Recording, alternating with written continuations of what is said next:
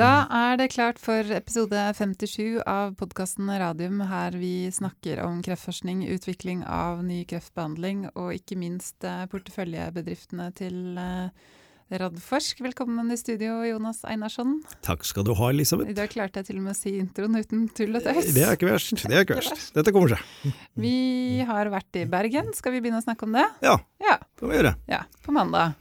På et veldig eh, spennende seminar om brukermedvirkning i forskning og innovasjon. Som eh, BTO, altså Bergens teknologioverføringskontor, tilsvarende Ivento i Bergen, eh, arrangerte. Eh, og du snakka om viktigheten av kliniske studier. Ja, for, for våre Altså for pasientene, selvfølgelig, mm. eh, men det kommer jo veldig tydelig fram der. Og for klinikerne, det var en kliniker som eh, hadde foredrag òg, og jeg snakket om sett fra våre selskapers side. Eh, Hvor helt essensielt det er at vi får eh, gjennomført kliniske studier, og hvor viktig det er at vi også får kjørt det i, i Norge, og den eh, utfordringen som jo vi vet ligger der. Men det var jo da også inn på at det er jo positive ting nå, da, med, med tydelige signaler om at klinikerne og sykehusene skal ha dette som tellekanter og få kred for det. Så for all del, det, det gjøres ting, men, men det må gjøres enda mer for å få ja, som vi sier, vi hadde vel i, vår, i vårt innspill til, eh, til eh, helsenæringsmeldingen, eh, om at det må opprettes dedikerte enheter på de, største syke, de store sykehusene Ja. eh, for å få, få dette til. Ja, for det, det som også, Vi hadde jo en podkast forrige uke med, med Thomas Ramdal og Frode Nakkim fra, fra Bayer Norge.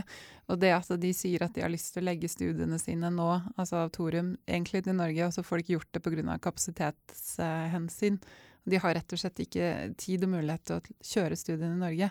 Det blir jo for dumt. Ja, altså, jeg snakket jo med de dagen etter, når Ja. eh, vi hadde av, avskjedsforestilling for eh, Thomas Ramdal. Ja, det må vi Eh, han, eh, han Det var jo bra timing eh, at han fikk lov til å fortelle hele sin historie dag, dagen før han eh, sluttet i, i Ja, skal vi Bayer. ta den digresjonen med en eneste gang? For jeg satt her da som den eneste i dette studio som ikke visste at Thomas Ramdal skulle gå av. Og alle tre var egentlig Nei, du visste ikke om jeg visste det. Du visste ikke Nei. helt om du kunne fortelle meg det. Nei. Men disse to andre trodde at jeg visste det. Ja, så de trodde at dette var sånn planlagt avskjedsplassering for Thomas, men det var det altså ikke. Men det, er, eh, Men det ble det. det ble det, og Det det, var svært vellykket. Og det er jo en svært merittert og kompetent person som uh, nå gir seg der. Uh, men som jeg håper absolutt at vi ser igjen i forskjellige roller i, i Radforsk sin eh, sfære. Mm. Så det all, all ære til Thomas uh, for det. Men de bekreftet jo da på den, for de snakket om thoriumstudiene, Mm. som er kjempespennende, mm. den dagen etter. Eh, og bekreftet det at det, det var rett og slett ikke god nok infrastruktur Mm. i Norge, så de valgte å ikke kjøre studien i, i Norge. Så vi, vi har en utfordring. Ja, det har vi. Men det, det som var litt spennende med det, med det møtet i Bergen, fordi du og jeg har jo gått på tusenvis av møter om ikke bare kliniske studier, men om en del andre ting opp gjennom årene. Men dette her, altså de, de hadde jo en litt ny approach, altså en ny tilnærming til dette her. Ja, altså det var en, eh, en gruppe da, som har jobbet med dette, som, hvor, hvor annet Oslo Cancer Cluster uh, har vært uh, delaktige. Eh, og i regi da av BTO, og beundringsverdig. og mm, forsøker nå å få til en, en hjemmeside hvor man eh, som kreftpasient kan gå inn og få opplysninger. Hvordan Ikke bare leter man kreftpasient. Nei, unnskyld. Generelt. Pasienter Ja. generelt som, som har behov for utprøvende behandling. Mm. Det er helt riktig det. Det var, det var eh, Spesielt innen nevrologi ble også lagt mye vekt på der. Jeg er litt sånn eh, fokusert når det gjelder kreft. Eh, Vi, vi er det, så Ja. innimellom så må vi få av skylappene Ja. litt. Men for litt av poenget der var jo at faktisk innenfor kreft så finnes det mange studier. Men Ja. vi hørte jo mamma til en som hadde mista datteren sin til ALS. Og der finnes det ingen studier Nei. og ingen altså, mulig behandling nei, det er som, eh, som det er. Så det er jo et skrikende behov for ny forskning, og da Ja. Eh, å ta med altså Budskapet var vel at der må man ta med de som er påvirket av dette, altså pasientene, inn Ja. når man skal forske og utvikle ny, ny behandling. Ja, øh, og det er viktig å hele tiden gjøre det, og det er på en måte det vi gjør også gjennom de kliniske studiene der hvor de er. Mm. Eh, Så er det jo nettopp pasientenes reaksjoner på, på behandling og gjennomføring som er med og skreddersyr hvordan man eh, utvikler eh, nye, nye legemidler. Så alle initiativer som hjelper til med å få også oppmerksomheten rundt kliniske studier og viktigheten av de, Mm. så det var et veldig, veldig, veldig bra seminar. Ja, for de ønsker jo å mobilisere, sånn at alle skal vite om, om kliniske studier. De hadde jo gjennomført en studie som viser at nesten ingen, ikke engang helsepersonell, vet om muligheten for Nei. kliniske studier. Nei. Sånn at de har på en måte den hashtaggen 'spør om kliniske studier'. Ja. Ja. Yes. Eh, og så har det skjedd, eh, skjedd andre ting siden sist, og det er at eh, Norge og Danmark skal samarbeide om innkjøp av eh, legemidler. Ja, Det kunne man lese i, i VG og Dagens Medisin i går. Ja. En intensjonsavtale skrevet under av helseminister Bent Høie og tilsvarende da helseminister i, i Danmark, som jeg ikke husker navnet på Mm. i farta. Em, legemiddelindustrien, altså LMI i Norge, har ikke vært veldig begeistra for dette. Hva, hva tenker du? jeg, jeg tenker at det er prisverdig at man jobber for å få til best mulig systemer. Uh, Det er klart at det- når, når flere land slår seg sammen, så blir det jo sterkere uh, Forhandlingspartnere? forhandlingspartnere i forhold til uh, industrien. Eh, og det kan nok industrien se på som en eh, slags trussel eh, på det. Men at de da går sånn bastant ut og, og, og sier at dette fører bare til mer byråkrati og tar lengre tid og vil ikke bli noe bedring. Når det kommer en nyhet om at det er skrevet en intensjonsavtale, og skriver man en intensjonsavtale, så er det fordi at man skal bli enige om hvordan man skal gjennomføre det. Mm. Eh, Så det er litt sånn tilbake til min eh, litt sånn eh, holdning som jeg har hatt hele tiden, at jeg skulle ønske at man hadde liksom kunne si at ja, men det kan jo være interessant å undersøke hva som er muligheten i dette, istedenfor at man går bare rett i skyttergrava som alltid. Ja, fordi eh, sånn som i hvert fall det jeg har lest i, i fra da VG og Dagens Medisin, nå kjenner vi det bare gjennom mediene, så bare Ja, ta, det, ta ja. det forbeholdet først og, først og fremst, det er jo at dette skal gjelde altså medisiner som har gått ut av patent, hvor det da finnes altså det man kaller generika. Ja. Eh, for der har man slitt med at man ikke får tak i disse legemidlene i Norge. Altså pasienter da kan stå uten eh, de medisinene de pleier å, pleier å bruke. Um, og så skal det gjelde de nye Ja. medisinene, altså dyre medisiner. Ja. Uh, det kan være kreftmedisiner. eller hadde vært et typisk eksempel. Ja. Der hadde jo på en måte Norge allerede spurt Danmark om å inngå et, et eh, prissamarbeid, men da hadde man kommet så langt i forhandlingene at det, det var ikke aktuelt. Nei, altså jeg, jeg, jeg tenker at hvis man får sentralisert dette, og det selvfølgelig må være fair overfor eh, industrien, at industrien De må skal få jo ha betalt. prisen de De er jo det første som sier det. Ja, ja, for all del. Men, men hvis dette kan være et ledd i å, å strømlinjeforme dette litt mer, sånn at det faktisk ender ut med at uh, godkjenningene tar kortere tid og pasientene får tidligere tilgang, så, så er det prisverdig. Så vi, vi, får, vi, vi får avvente og se hva som kommer ut av det. Ja, det får vi gjøre. Og så da, da kan vi jo røpe det, at vi skal jo faktisk ha Bent Høie her i podkaststudio i november. Det skal vi. Det Ja. er svært hyggelig at han takket ja til eh, det. Så, Så, da, da, kan vi vi jo spørre han om denne avtalen. Det kan vi gjøre. Og, Ja, og mye annet. og mye annet rundt helsenæring og den kommende helsenæringsmeldingen. Så det, er, eh, det blir spennende. Eh, skal vi da gå over til eh, selskapene?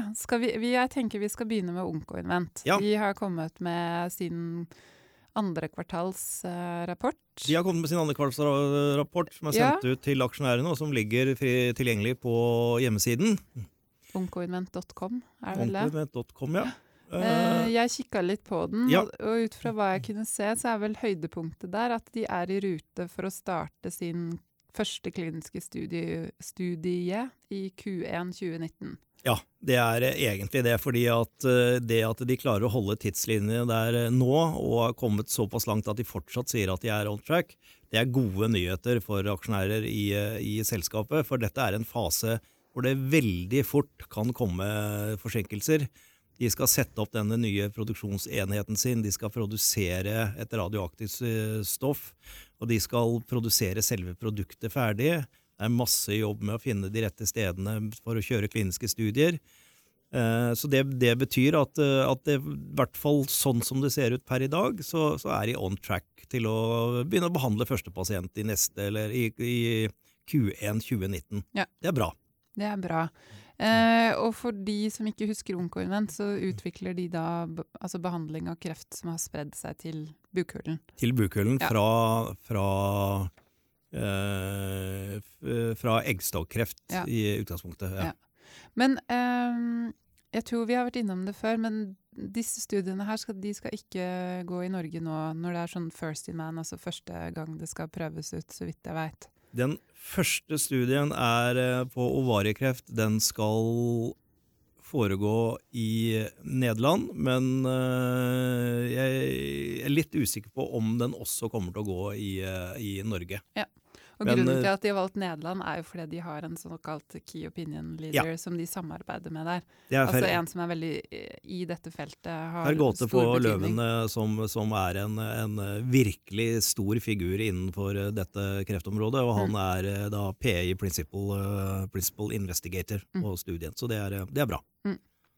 Eh, ellers så, så merka jeg meg at de har fått eh, støtte fra BIA eh, på 12 millioner, og egentlig til hele det utviklingsløpet som de holder på med for Radsferin, som er da det navnet på det produktet deres. Ja, Og det er jo virkelig et sånt eh, i vår verden et kvalitetsstempel. Ja, BIA er eh, altså noe man eh, søker på uavhengig av hvilken bransje eh, man er, er innenfor. Så Alle, er, alle sektorer ja, i hele det er jo konkurranse med alle landet. sektorer, så det å få 12 millioner der, det er jo det er såkalt non-diluting eh, money. Så det betyr at det er jo penger som går rett inn på båndlinja og, og eh, hjelp, hjelper til med, med å forsterke kapitalen i selskapet. Så det er, eh, det er bra. Mm. Er det andre ting fra rapporten deres som man burde merke seg? Ja, det eneste er vel, og det er jo veldig viktig, at de har presentert på en stor konferanse. Mm.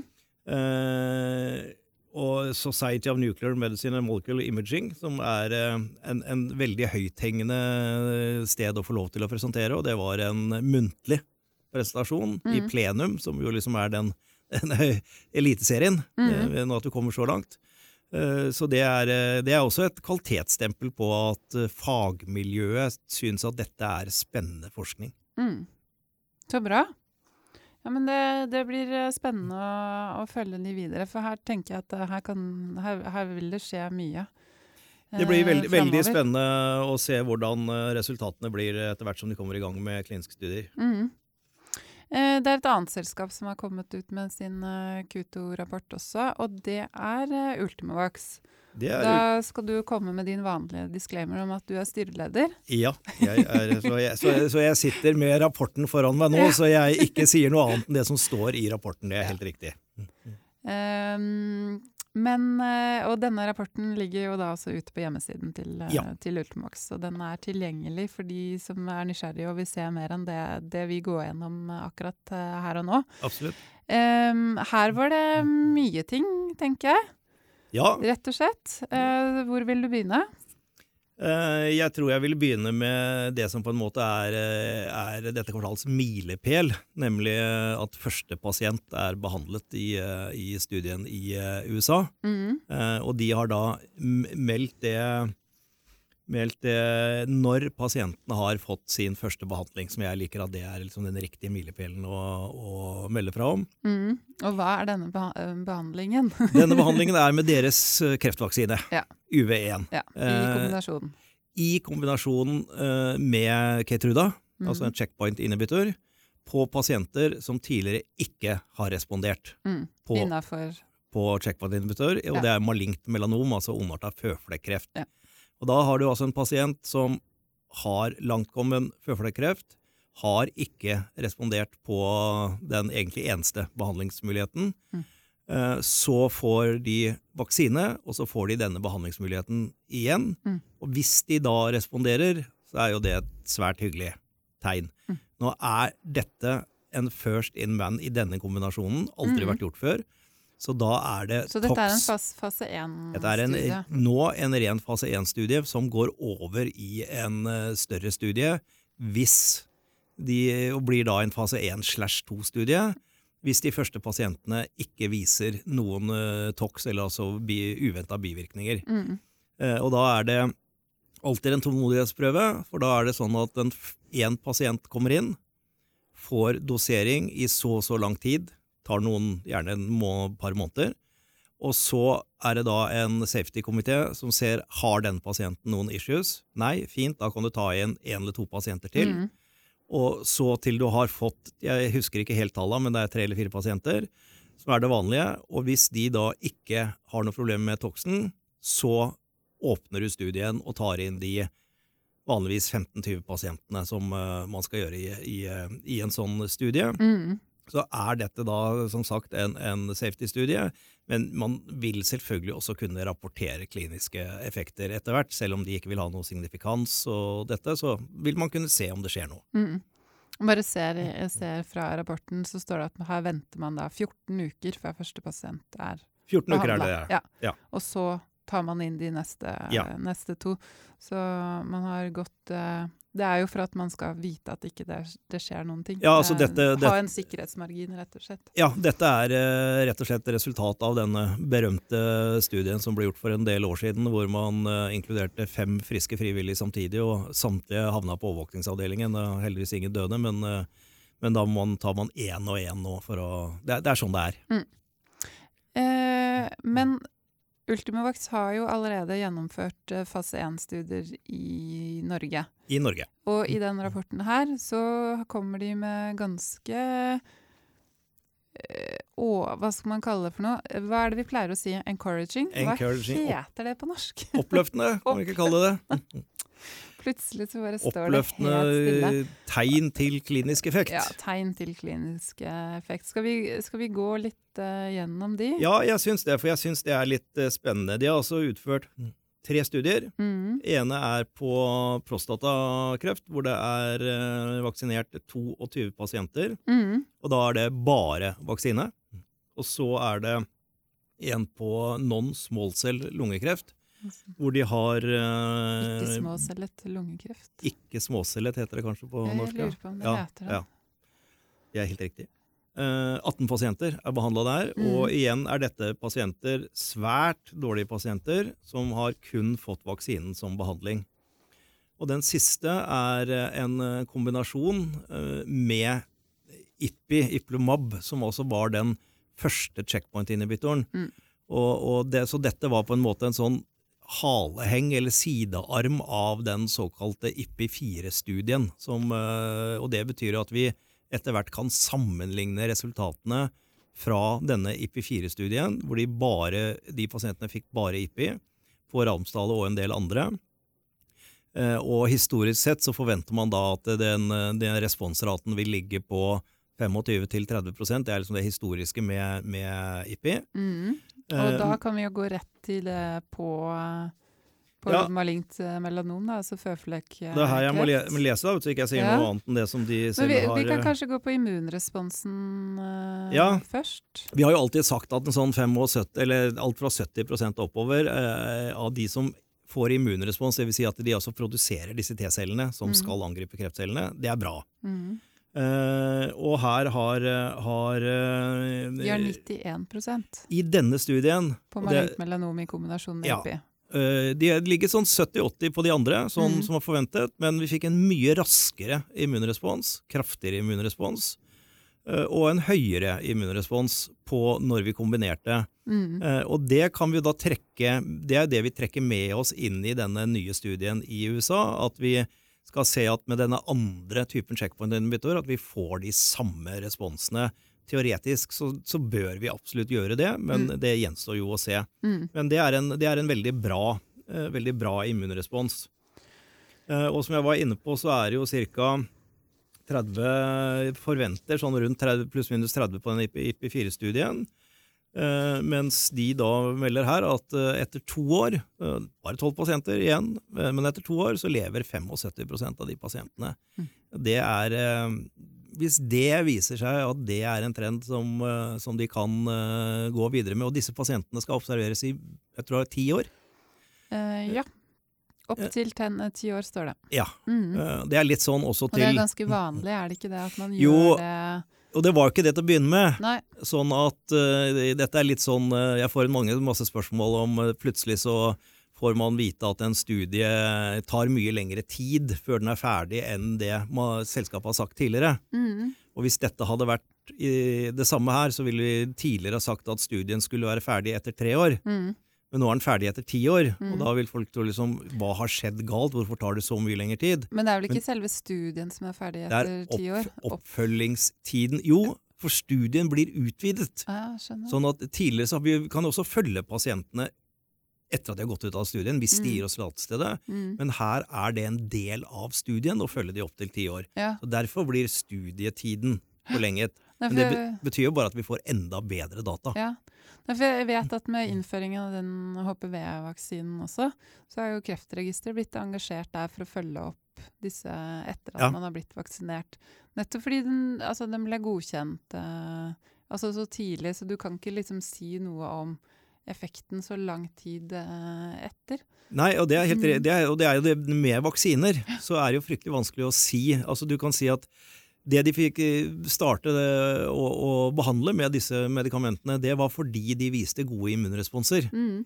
Men hvor mye, hvilken effekt det ville ha på faktisk hvor mange som fikk eh, livmorhalskreft, Mm. det visste man ikke da. Så Nei. Derfor så var det et kriterium for å få det markedstillatelse, var at Kreftregisteret Mm. skulle følge pasientene over lang tid. Mm. Og det samme med den CAR-10-behandlingen til Novartis. De skal jo også følges, men der tror jeg nesten der tror jeg 10-15 år, ellers er det 15 år. Ja, og De skal i hvert fall følges farta. over lang tid. fordi vi, vi ser, og, Men allikevel så fikk de markedsføringstillatelsen fordi det var så frapperende effekt. Ikke sant? Eh, og så får man se, og det vet vi aldri hvor lenge eh, effekten varer. Mm. Så nei, men tilbake til, til uh, og disse, disse tre studiene. Det, det, det kan lese eh, rapporten, og så ser du da at det er 73 av pasientene lever etter tre år i prostatastudien. De har en median eh, progression free survival på 12 måneder. Mm. Og median overall survival på 28 måneder i lungestudien. Eh, Og Så får man selv gå inn og grave litt i historiske tall og se, men eh, hvis man gjør det, så ser man at ja, Det er lovende. meget oppløftende, lovende resultater. Og denne pakken med de tre første kliniske studiene er jo det som har gjort at selskapet har tatt beslutningen om å starte studien i USA, Mm. som er en fase 1-2-studie. Mm. Men planen er at man tror man får såpass gode data av den at man da skal gå over i en registreringsstudie Ja. i USA, og det er jo det de sier her nå også, at de, planen er da å, å reise penger mm. til denne store studien, Mm. eh, og gjøre det ved en børsnotering i første kvartal 2019. Mm. Og så skriver de faktisk det at registreringsstudien Altså intensjonen er at den kan starte allerede i Q4 2019. Det er fint Så at du leser, så ikke jeg Ja, ja, sier ja. Jeg blir ja, sånn ja. livredd for å si Du har gu- gula, gula ut, ja. ut og streket under. Nei, det betyr jo at Hvis hvis klarer alt å oversette fra engelsk, så skal det være riktig. Hvis alt går etter planen, og de klarer å reise de pengene de trenger ved en eh, børsnotering, så er det altså enda et Radforsk-selskap som går inn i en pivotal studie i løpet av 2019. Ja. Det er uh, veldig spennende. Men det, det er planer. Så dette er Ja. outlooks og, og planer, og så får man uh, følge, følge om det går. Men det står jo også det at de, de ønsker jo på en måte å søke markeds, eh, altså markedsgodkjenning i løpet av en femårstid. Ja. Mm. Eh, ja, er det noe annet om, eh, om Ultimavax og den rapporten? Som sagt, den ligger jo på hjemmesiden, så det er eh, fritt å gå inn og lese mer. Ja, altså det, nå, nå tørrsnakker jeg, for jeg ser at du ler. vi spøkte med det før vi gikk i studio i dag. Er det så mye papirer her? ja. Vi har jo ikke nettilgang. Må Nei, men, da, men den, denne lille kunstpausen gjorde jo at jeg da eh, kom på at vi har jo snakket om det her før, men eh, selvfølgelig også at de eh, kjøpte det svenske Ja. selskapet med den nye Adjuvans-plattformen. Mm. Det er jo ikke noen nyhet nå for Nei. oss, men, men det er jo også skjedd. I og med at det er en Q2-rapport, så står, Ja. det, står det om det i den rapporten. Ehm, da skal vi snakke om noe som jeg ikke har noe eh, oppdatering på i det hele tatt, og ikke har noe gula ut av streka under, og det er PCI Biotech. Ja. Jeg bare registrerer at jeg får stadig vekk meldinger om ting som skjer, men der har jeg ikke hatt, eh, hatt å, eh, kapasitet til å følge med på emisjonen. Nei, Men det jo, her, dette kan du. Dette følger jeg re relativt nøye med på. Ja, det er bra. Eh, og det er egentlig ikke noe annet å si enn at eh, alt går etter planen for tegningsrettsemisjonen. Mhm. Eh, den ble handlet eh, inkludert tegningsretter eh, seneste dag på fredag forrige uke. Ble handlet eh, X-tegningsretter i PCI BA-aksjen, som den eh, nå er i denne perioden, fra og med mandag morgen. Eh, og fra og med morgenen i dag så ble tegningsrettene notert på Oslo Børs, og de omsettes der nå. Og begge disse to Nå er jo de, dette da splittet i en PCIB-aksje og en PCIB-T-aksje, som er tegningsrettene. Mm. Og de vil bli handlet så litt sånn side by side nå frem til 1. oktober. Mm. Eh, og et, etter det så kan man tegne seg for- i, i emisjonen. Eh, og det eneste viktige poenget, poenget der er, er at eh, man må da prøve å få omsatt disse tegningsrettene i den perioden. eh, hvis man skal selge de. Ikke hvis man skal bruke de selv, selvfølgelig, men hvis man skal, skal selge de, de, så kan du sitte rolig i så, båten. ja, så Ja. Må, man, må man selge de innen, innen eh, 1. oktober. Så det blir jo spennende å følge med på, på kursutviklingen, både på tegningsretter og på aksjen. Som regel så følger de jo hverandre. Men eh, Har det vært noe utvikling hittil?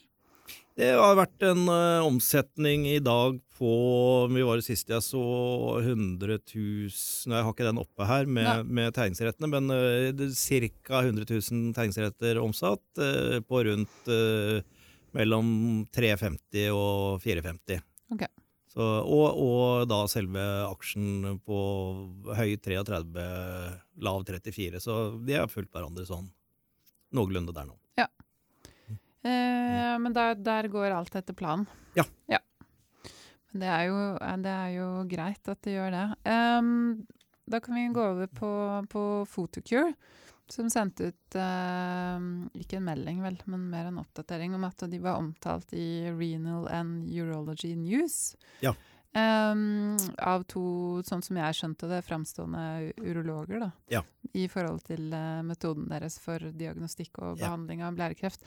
Um, hvor mye betyr disse omtalene, altså hvor viktig er disse omtalene nå i forhold til den fasen hvor Photocure er nå? Jeg tror det er svært viktig. jeg. Eh, fordi dette er, som du sier, eh, svært anerkjente urologer som går ut med veldig tydelige meldinger uh, til Fotokur sin fordel. Mm. Eh, og det skaper oppmerksomhet. Det blir plukket opp av andre nyhetsmedia, vil jeg tro. Og, Mm. og det er liksom litt sånn spre det glade budskap til eh, Først og fremst til pasientene. Ja. Eh, og legene til pasientene. Altså, min, min, mitt forrige liv som allmennpraktiker, hvis jeg hadde visst om dette og hatt en pasient som hadde mistanke om eller hadde blærekreft, så ville jo jeg fortalt denne pasienten at du må passe på når du kommer på sykehuset og si fra at du må ha den eh, blålysbehandlingen, Mm. fordi den er bedre enn en den andre. Så, så det, er, det er en, Så dette er en drypp. del av markedsføringsstrategien deres, Ja, eh, det- rett og slett?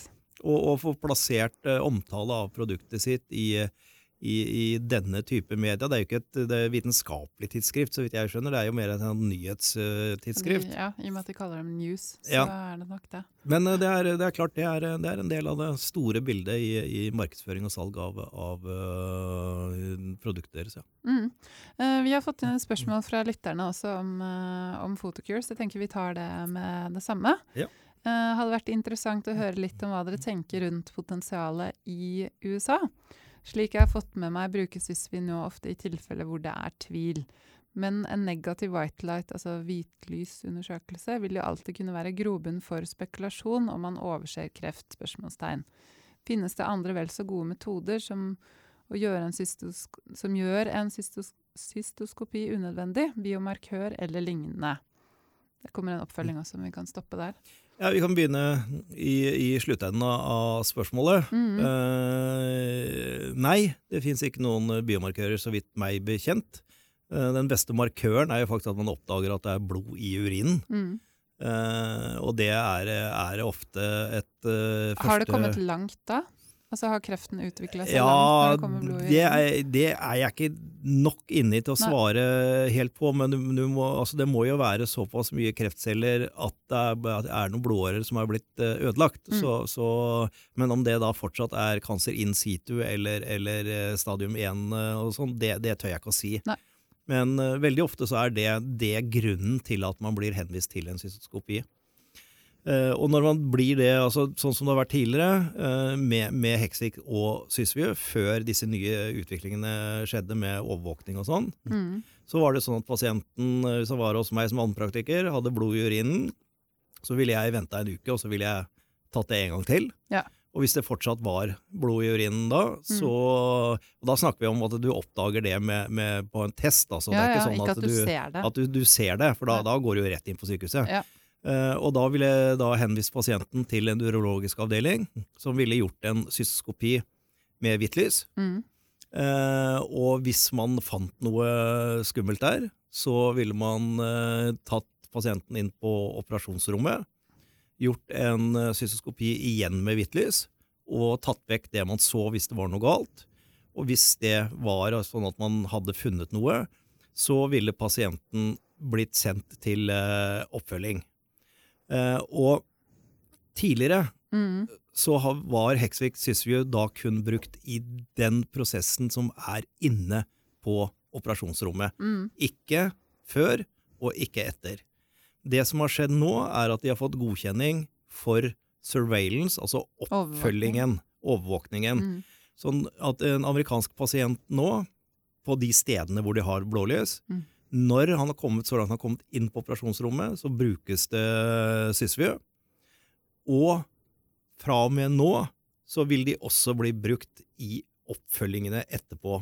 Og det er jo gjentatte behandlinger. Det er Mm. nærmest sånn at du følger de Jeg tror nesten ikke de slutter å følge de, hvis de, altså, det går lengre og lengre tid mellom hver gang, men Ja. allikevel mange oppfølginger. Mm. Det øker jo markedet veldig mye Mm. for Fotokur, og det er jo dette surveillance-markedet som, som de nå håper at de får gjennombruddet Mm. i.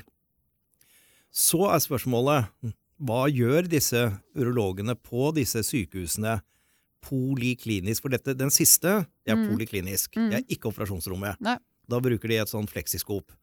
Og det vil si at da har de fleksiskopet sitt, og de er vant til å gjøre dette med pasientene etter operasjonen.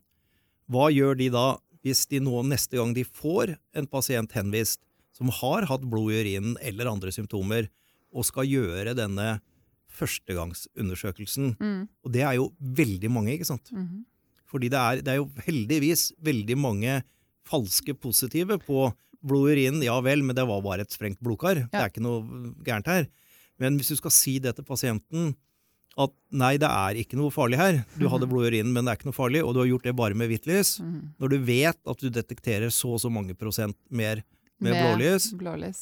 Ja, jeg ville vel vurdert, hvis jeg hadde vært en neurolog igjen, og har flektiskopet Mm. allerede til stede, og Bruk bruke det. der også. Ikke sikker på om uh, den uh, reimbursementen uh, Hva heter det? Refusjon. Refusjon!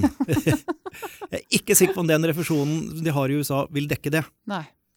Men hvis den ikke gjør det, så tror jeg nok at jeg som pasient ville ha tatt den kostnaden. Mm. Med, med å gjøre det, eller forsikringsselskapet går inn. Ja. Antakeligvis forsikringsselskapet i USA Ja. i stor Så grad. altså, når, når det gjelder konkurrenter til, eh, til uh, Fotokur, så er det en annen uh, som er omtalt i den artikkelen, som jeg ikke printet ut, så jeg har ikke akkurat navnet på den nå, men Nei. det er en, også en annen form for det de, gjør, det de gjør der, er at det lyset de sender inn, det filtrerer ut en del av uh, lysspekteret, sånn at man skal se blodårer tydeligere. Okay. Og i kreftceller så er det jo mye mer, eller i kreftceller så er det mye mer blodårer enn Mm. det er ellers. Så det er en skal, indirekte approach, Ja. på en måte? ja. Men hvis jeg leser den artikkelen riktig, Mm. så er de veldig klare på at uh, Sysview er mye bedre, og at denne egentlig ikke er noen, er noen konkurrent. Så, Reell, ja. reell konkurrent. Eh, og så det siste halen på det spørsmålet her. I USA er vel konkurransen mellom sykehus enda større enn i Europa. Hvis pasienter starter å etterspørre denne behandlingen, må vel alle, med i hermetegn, komme etter for å ikke tape pasienter. Ja. Mm. Og det er helt, det er helt riktig. Ja. I, i, vi, I USA så konkurrerer sykehusene om å få pasienter. Mm. Eh, de konkurrerer ikke så mye om å få pasienter hvis ikke de tjener på pasientene, men med eh, refusjonsordninger eh, på plass, Mm. eh, så vil de tjene penger på det. Eh, og det er, det er ikke noen tvil hos meg enn at dette vil bli en, en konkurransesituasjon hvor, hvor sykehus som ikke har blålysbehandlingen, ser at pasientene går andre steder. Mm. Eh, så det er også en faktor inn i dette, ja. Eh, ja. Vi har en dialog gående med Erik Dahl uh, om å komme i studio, men Ja. uh, han er superbusy. Og det Vi er får, jo bra. vi får håpe det er et godt tegn. Ja, Han, det er, at man er travel er alltid et godt tegn. Ja. Ja. Men så det, så det Han kommer. Vi vet bare ikke når, når enda. Det, jeg tenkte jeg skulle bare snakke litt indirekte om Targovax. Fordi jeg snappet opp i Jeg tror det er en sånn dansk eh, eh, dansk nettavis for bioteknyheter som heter Medwatch, som jeg bare får sånn eh, inn, Ja. i, inn i mailen min. Mm. Om at eh, Børinger Ingelheim, som er jo da et stort eh, globalt, men tyskeid farmasøytisk eh, selskap, eh, de har kjøpt et selskap som heter Vira Therapeutics, som er et sånn onkolytisk virusselskap, for ikke mindre enn to milliarder norske kroner, hvis jeg har klart å omregne riktig. 210 millioner euro. mm. Det, det, da begynner vi å snakke mye penger innafor uh, altså onkolytisk eh, virus. Er det, er det liksom et sånt race som går innafor det området? Ja, det, det er jo flere av de store nå som har eh, som med checkpoint. Mm. inhibitorer, som har også sikret seg teknologi innenfor onkolytisk virus. Uh, og jeg, jeg leser det som et tegn på at uh, disse store selskapene med checkpoint-inhibitorer ser at for å posisjonere seg i markedet, så er det viktig å skaffe seg noen gasspedaler. Mm. Uh, og det er jo ingen tvil om at onkolytiske virus er en het gasspedal for tiden. Mm. Eh, Så det gjør jo at man eh, er inne i et, eh, i et hett marked, og forhåpentligvis da at det kommer enda flere og nye gode resultater fra onkolytisk virus, og det finner sin plass i behandlingen sammen med, med checkpoint-inhibitorer. Så bra. Eh, vi nærmer oss slutten, men jeg tenkte vi skulle snakke litt om eh, neste livesending. fordi neste onsdag så har ikke vi noe vanlig sending. Da er jeg og ser på Obama. Ja, Tenk på det, du! det er ikke verst. Ja, det er ikke verst. Altså. Det må jeg si at jeg gleder meg veldig til. Det er nemlig Oslo Innovation Week eh, neste uke. Så det foregår jo arrangementer fra morgen til kveld eh, hele uken, faktisk. faktisk. Eh, ikke bare innenfor helse. Det er faktisk ikke så mye helse i år. Eh, men det skal være en del på Cutting Edge eh, på tirsdagen, som er jo sånn helhets... eh, helhetlig Heldags, heter det. Helhetlig. Heldagskonferanse i regi av Invento og Universitetet i Oslo. Ja. Eh, og Oslo Tech de har ganske mye spennende innenfor helse.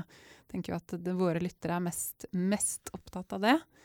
Eh, men så skal jo vi da ha et bidrag innenfor helse. Vi skal snakke om, om helseinnovasjon. Eh, som de fleste andre av de der livesendingene våre, så gjør vi det samme med Kreftforeninga. Mhm. Eh, torsdag 27. Eh, klokka ett på Vitensenteret, altså Kongens gate 6. Eh, vi, nå har vi fått et ganske spennende program, og du og jeg vi har ikke hatt tid til å snakke om programmet, så jeg tenker jeg kan dra deg Det er gjennom veldig fint hvis jeg får vite hva jeg skal snakke om, ja. Samtidig som, eh, samtidig som vi opplyser lytterne våre av det. Eh, vi har faktisk fått med oss eh, Kjetil Lund, som er næringsbyråd i Oslo. Ja, det er spennende. Ja, og så Siv Andersen, det er første panel, og hun er da faktisk den som leder eh, Oslo Innovation Week. Ja. Så vi skal snakke litt med de om egentlig betydningen av å ha en sånn type innovation, altså innovasjonsuke, Ja. hvor du tiltrekker deg masse internasjonale både investorer og journalister, og snakke litt om de med hva har de sett og hørt gjennom uka, og hva, hva ser de for seg at man bør implementere, f.eks. i en by som Oslo, Ja. innenfor helse. Snakke litt om Oslo Science City-prosjektet, da. Ja, det burde vi antagelig snakke om. Ja. Det glemte å stille de spørsmål om når jeg sendte over det, men eh, vi får ta det som sånn det. ad hoc. Det er fint at vi snakker sammen. Bare sette av tid til det. Eh, og så er det kanskje den sesjonen Nei, det er en kjempespennende Alle sesjoner er like viktige og spennende, men uh, vi skal snakke litt med, om, altså om helseinnovasjon med et mer internasjonalt perspektiv. Hvor vi har fått inn en, en canadier, en tidligere onkolog, men som har startet uh, noe han kaller Excite International. Dr. Leslie Levine heter han. Og det prosjektet her, sånn som jeg har skjønt det ut fra det jeg har lest, er at de faktisk prøver å bringe helseteknologi raskere ut til pasientene, men gjennom kliniske studier. Ja. Ja. Så det, det må jeg Det er si er ganske spennende å høre, høre mer om. Eh, og hvor de da prøver å dra, altså dra dette som en global bevegelse, da, ikke bare i Canada, men prøver å samle troppene. Eh, og i tillegg til han så får vi besøk av Jon Berland, som er innovasjonsdirektør i noe som heter Sopra Steria. Eh, de er jo sånne teknologikonsulenter, men de driver med noe innmari morsomt innafor eh, hologrammer. Eh, hvor de da bruker altså hologrammer f.eks. i operasjon av leverkreft. Ja. For da er det jo kjempeviktig at, ikke, at du tar nok av svulsten, men ikke for mye av leveren, i Mm. tilfelle du må inn igjen. Så de skal snakke litt om det. Så, og med de så har jeg tenker at vi må høre litt med de. Altså, hva, hva er det som skjer internasjonalt innafor altså, Hvilke trender er det som går nå? Hva er det man må følge med på? ja, spennende. Ja. Eh, og så er det siste delen. Da skal vi få besøk av eh, Kirsten Haugland, som leder forskningsavdelinga i eh, Kreftforeningen, og Kjetil Widerberg, som leder Oslo Cancercluster. Og ikke minst Ole Johan Borge, som leder eh, Bioteknologirådet. Og så sammen med de så skal vi analysere litt og kommentere litt på nettopp det der med, med helseinnovasjon.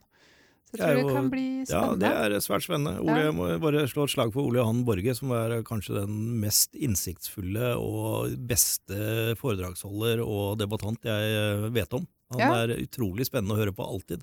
Ja, så bra. Vet du hva, jeg har ikke hørt på han enda, men jeg har liksom jobbet parallelt med han eh, gjennom et ganske langt eh, løp. Så jeg tror første gang jeg jobba sammen med han, var på et sånt prosjekt når han var i Bioteknologirådet. Før han ble analytiker, for han har jo også vært Ja da, han, jeg møtte han, han første gangen som analytiker i Pareto. eh, Ja, ikke sant? Og han doktorgrad i eh, veldig- stamcellebiologi og Ja, det er ikke Veldig spennende å høre på Ole Johan, alltid. Så det, det er bare å komme, for det her tror jeg kan bli spennende og interessant. Eh, Ja. Både lokalt og globalt, og ja, trender som man bør, eh, bør følge med på. Det liker jo våre lyttere. Ja, og tid og sted der. Tid og sted, skal jeg gjenta det. Ja. Torsdag 27. Eh, klokka ett til eh, tre. Men altså, det, vi, varer, vi snakker ikke så lenge. Ja. Men det er, da får du tid til å tusle litt rundt på vitensenteret. Det er ganske stilig, det også. Det er spennende. Eh, du kan melde deg på på Oslo Innovation Week eh, siden nettside. Vi driver og eh, aggressivt markedsfører det nå på vår eh, Twitter og Facebook. Ellers er det egentlig bare å dukke opp også. Yep. Ja, den påmeldinga er mest for at vi skal ha nok eh, kaffe til de som eh, kommer. Um, da har jeg eh, hjertesukk på, som neste punkt. Jeg vet ikke, har, har du noe hjertesukk? Nei. Nei. Ida, jeg er ferdig, ferdig sukket. Så bra. Ja. Men da sier vi takk for oss. Så blir det ikke noe regulær sending altså neste uke, men det blir en live. Og så uken etter så jeg tar høstferie, mens du skal på internasjonal konferanse. Jeg skal til eh, New York på CRI-SIMT-konferansen. Bare immunterapi og nye, spennende ting, så da Ja. håper jeg har noe å fortelle når jeg kommer tilbake. Ja, Så da blir det uka, altså uke 41 for de som holder på med sånne uke, ukenummer. Det gjør ikke, det gjør ikke iPhonen i kalenderen. Men eh, da, da er vi tilbake, og da kan du fortelle masse nytt om eh, hva du har lært i New York. Flott. Takk for oss.